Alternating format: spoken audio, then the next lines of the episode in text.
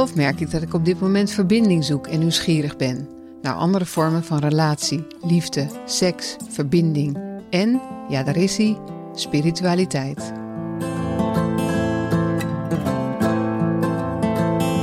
Mijn partner heeft er absoluut nul, zero, noppes, nada interesse in. En dat vind ik eerlijk gezegd wel jammer. Welkom bij Hallo Liefde, de podcast waarin we vragen over de liefde en het leven beantwoorden. Dat doen we aan de hand van onze eigen levenservaring, de literatuur en de onmisbare hulp van onze experts. Hallo Liefde is goud eerlijk, soms confronterend, altijd radicaal mild en vol liefde. Mijn naam is Karine Hoenedos. En ik ben Brenda van Os. Met vandaag een brief over de vraag: kan mijn zelfontwikkeling onze relatie in de weg gaan staan? Ah, interessant. En we zijn vandaag alweer bij aflevering 3, Brenda. Hoe leuk is dat? Super. En we krijgen ook zulke leuke reacties op de eerste afleveringen. Daar zijn we echt heel blij mee. We krijgen complimenten, zoals mensen zeggen: Oh, wat passen jullie stemmen mooi bij elkaar. Nou, daar kunnen we op zich niet veel aan doen, maar het is mooi meegenomen. En mensen zeggen dat ze de adviezen goed vinden van de experts. Dus nou, helemaal tof. We hebben ook wat positieve, opbouwende kritiek gekregen van twee mannen.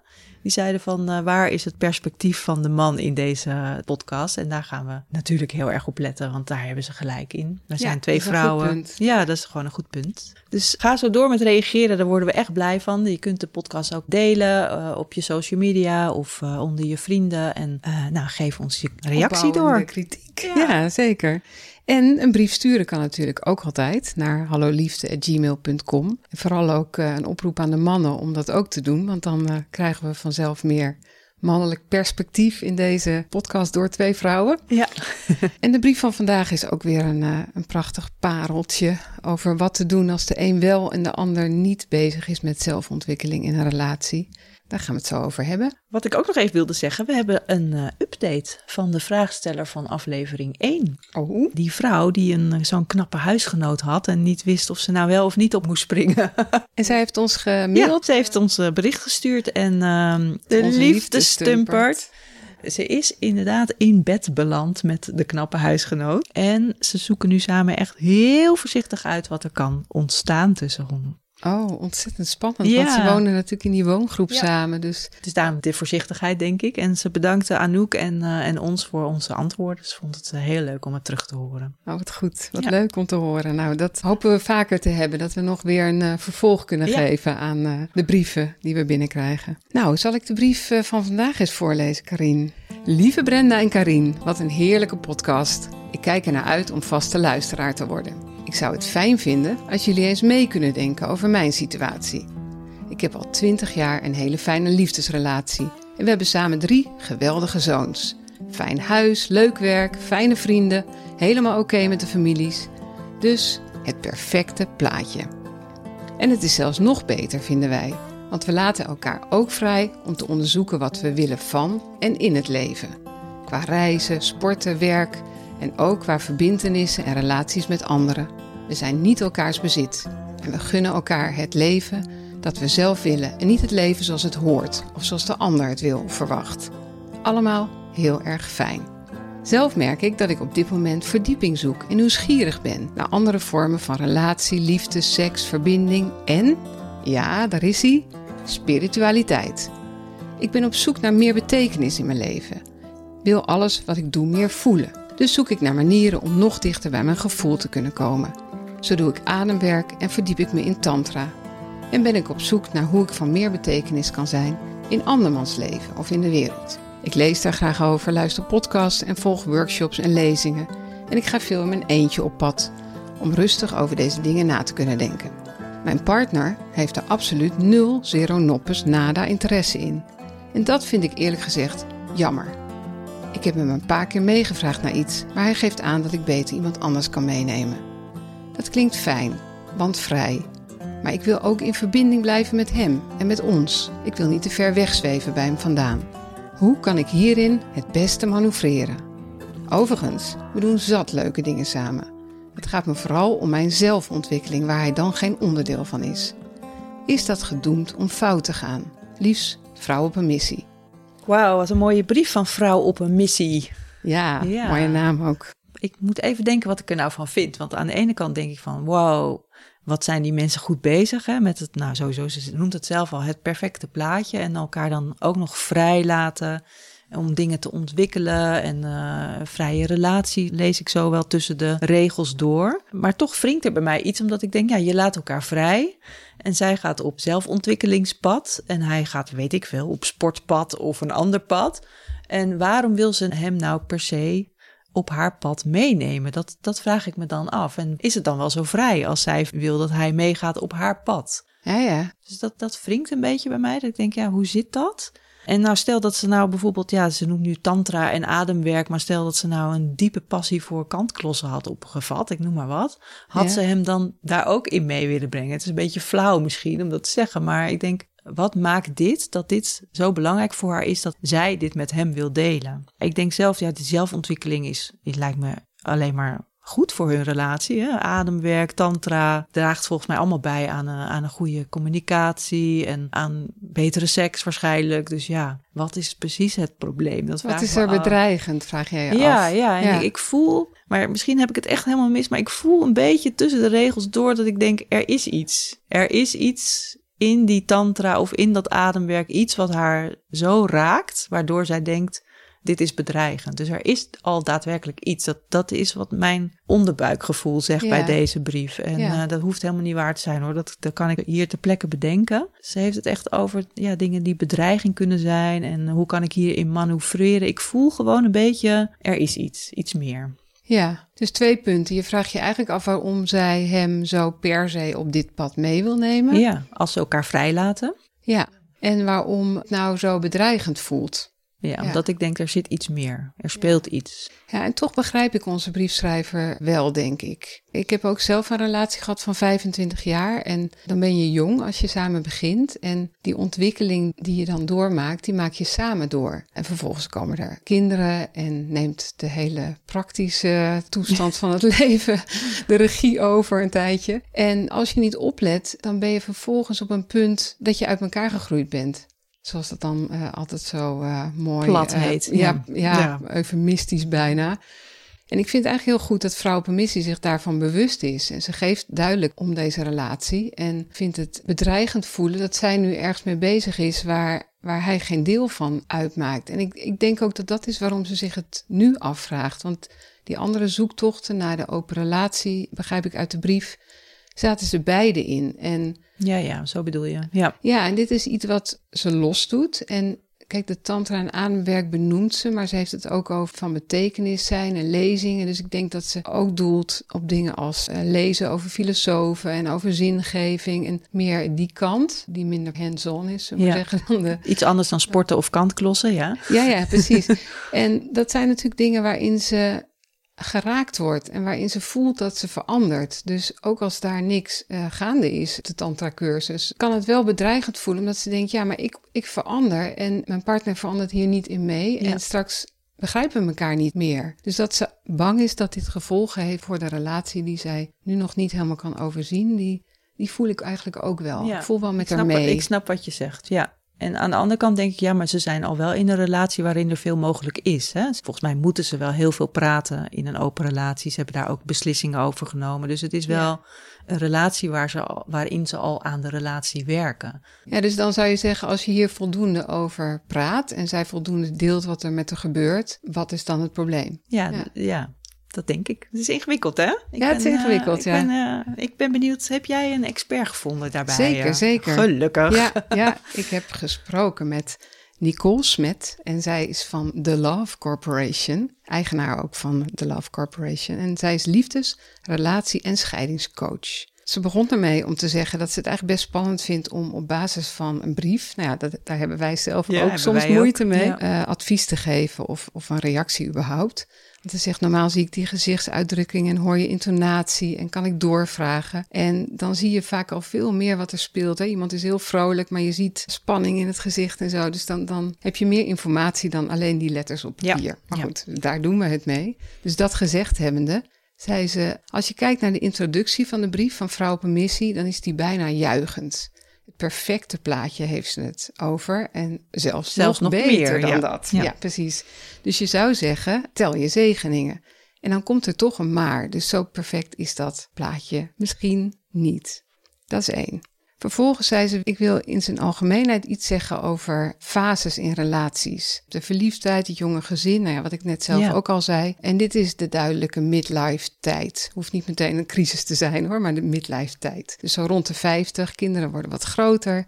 Er is meer ruimte voor jezelf. En opeens vraag je je af: wie ben ik eigenlijk als ik eh, minder nodig ben als moeder? Of is dit het nu? Hè? Dat is ook zo'n eh, zo'n Ja. cliché. Of als vader, hè, Brenda? of Ja. als vader, ja, sorry mannen, sorry.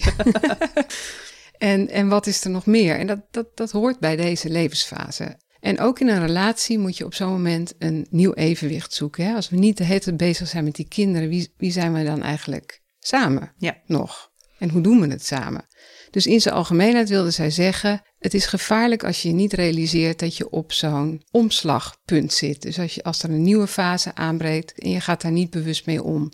Want het is precies het punt waarop je een verdiepingsslag kan maken samen of elkaar kan kwijtraken. Hmm, Oké. Dus in die zin heeft onze briefschrijfster dat ook echt Die wel goed aangevoeld. Ja. Ja, We zitten in een andere fase. En wat Ja. moeten we hiermee? En zij zegt ook inderdaad, als vrouw op een missie tegen haar man zegt of haar vriend: Ik wil zelf onderzoek doen en van betekenis zijn, dan kan hij dat opvatten als van nou, ons leven is blijkbaar niet van betekenis genoeg voor jou. Of eh, nou, als zij de eigen gang gaat, dan. eh, Ga ik dat ook doen? Of zelfs, vroeger deze niet zo moeilijk, zei ze. Dus het, het is een beetje een, een scharnierpunt waarop je best alert moet zijn. Dus hij kan het opvatten als kritiek. Als, Ja. als hij zegt, ik ga mezelf ontwikkelen, dan kan hij denken, ja, hoezo dan?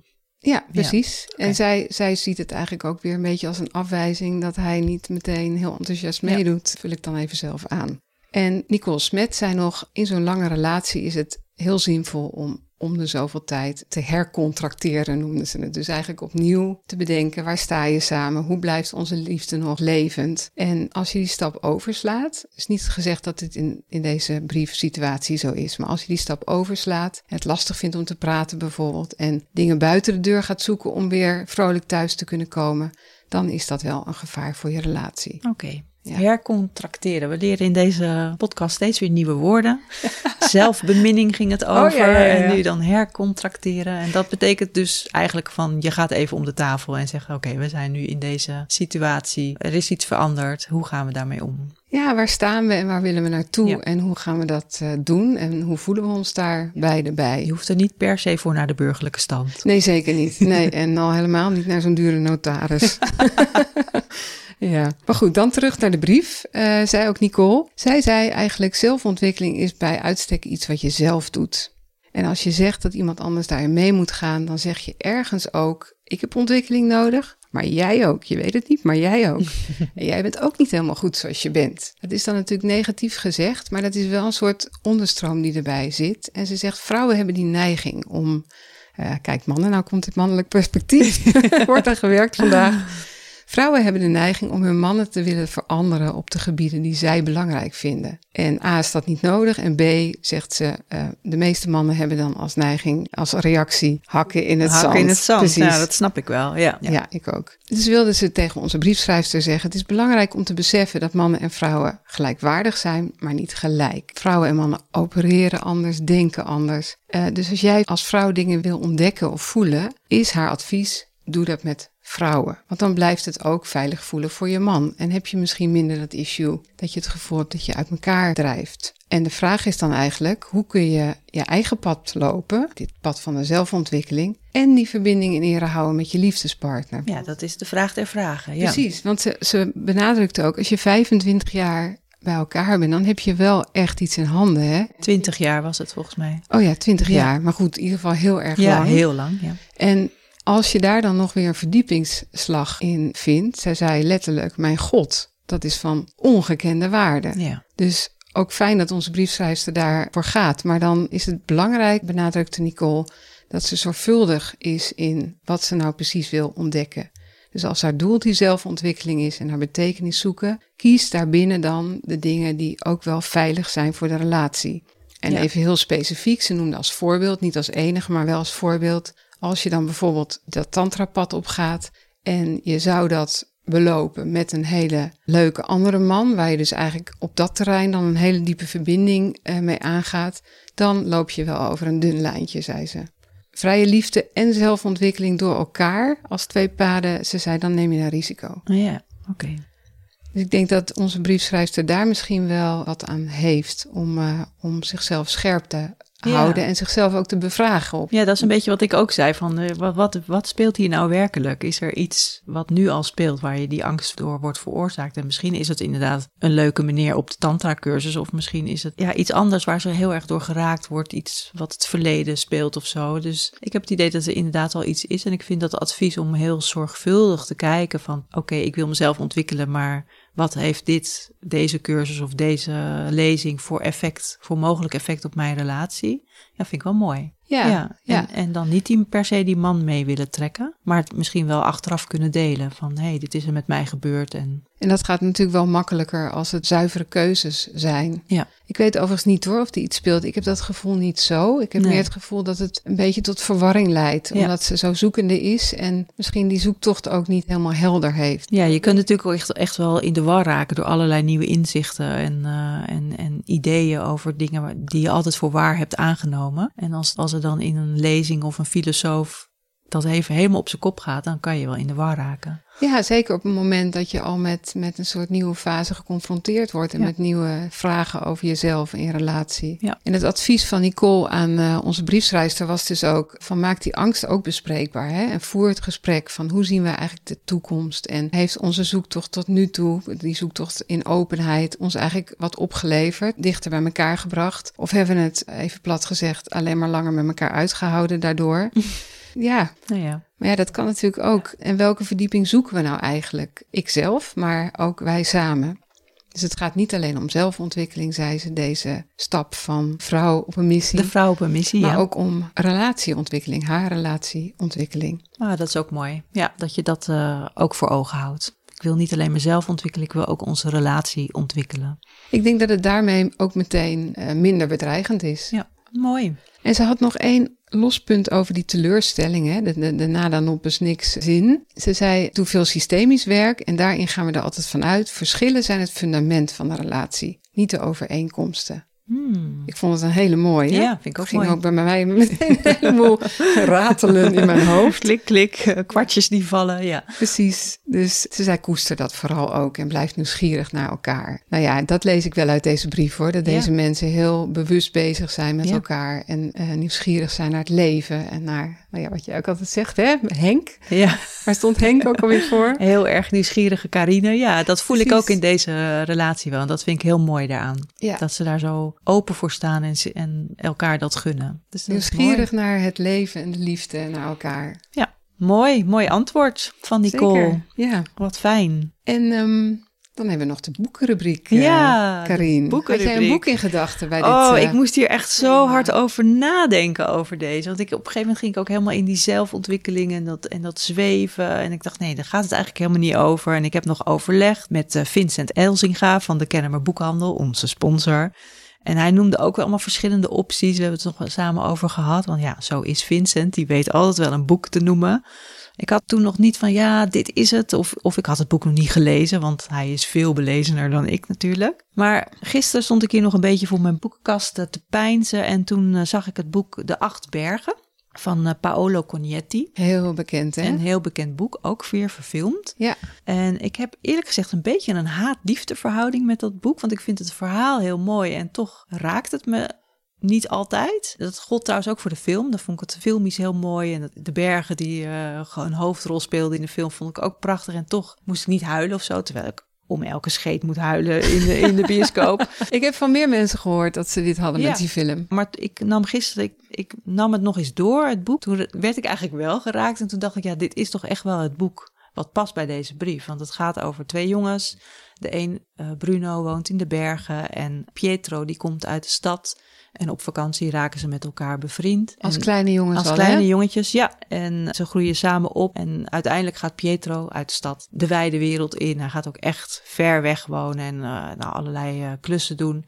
En Bruno blijft in de bergen. En dat is het moment waarop ze eigenlijk wel uit elkaar groeien. Hmm. Uh, maar toch blijven ze wel verbonden. Er is een grote afstand, letterlijk ook, maar ook wel figuurlijk, hè, dat ze het contact verliezen, maar ze voelen wel nog die verbintenis en ze voelen ook die liefde voor elkaar en die liefde voor die bergen. En uh, ja, ik kan verder niet zoveel spoilen over het verhaal natuurlijk. Want stel je dat je het nog wil lezen. En dan stel dat onze vrouw op een missie het nog niet gelezen heeft. Maar ik vind het een mooi symbool voor deze brief. En voor deze relatie. En zonder dan te spoilen, is de conclusie dan dat je hetzelfde pad moet bewandelen om elkaar, om dicht bij elkaar te kunnen blijven? Of niet per se? Nee, ik vind wel de boodschap van het uh, boek. Je hoeft niet per se hetzelfde pad te bewandelen. Als je elkaar maar blijft zien zoals je bent. En dat doen deze mannen wel. Dus ik hoop dat de briefschrijver hier wat aan heeft, aan dit boek. Zo klinkt het wel, zeker. Ja, en dat was het alweer, het einde van deze aflevering, Brenda. Jeetje, wat gaat het snel. Ja, het gaat altijd zo snel, maar ja, het is ook heel leuk. En we komen ook weer terug. We komen weer terug. Twee weken zitten elke keer tussen en dan zijn we er alweer. En de volgende keer gaan we het hebben over de vraag: ik kan deze man, dus eigenlijk geen vraag hè, ik kan deze man maar niet uit mijn hoofd zetten. De vraag is waarschijnlijk, wat doe ik hiermee? precies, precies. ik kan deze man maar niet uit mijn hoofd zetten. Nou, mooi. Wat moet ik daarmee? Ja, gaan we het volgende keer over hebben. Je luistert naar Hallo Liefde, de podcast waarin we vragen over de liefde en het leven beantwoorden. Hallo Liefde werd gepresenteerd door Karine Hoenedos en Brenda van Os. Onze expert van vandaag was Nicole Smet, liefdes-, relatie- en scheidingscoach van The Love Corporation. Je kunt meer over haar vinden op thelovecorporation.nl en de ook op zijn Engels. De podcast werd mede mogelijk gemaakt door de Kennemer Boekhandel in Haarlem. En wil je ook brief sturen? Dat kan. Stuur je brief dan naar halloliefde.gmail.com. Wie weet wordt jouw vraag anoniem behandeld in een volgende aflevering. Tot de volgende keer. Tot dan.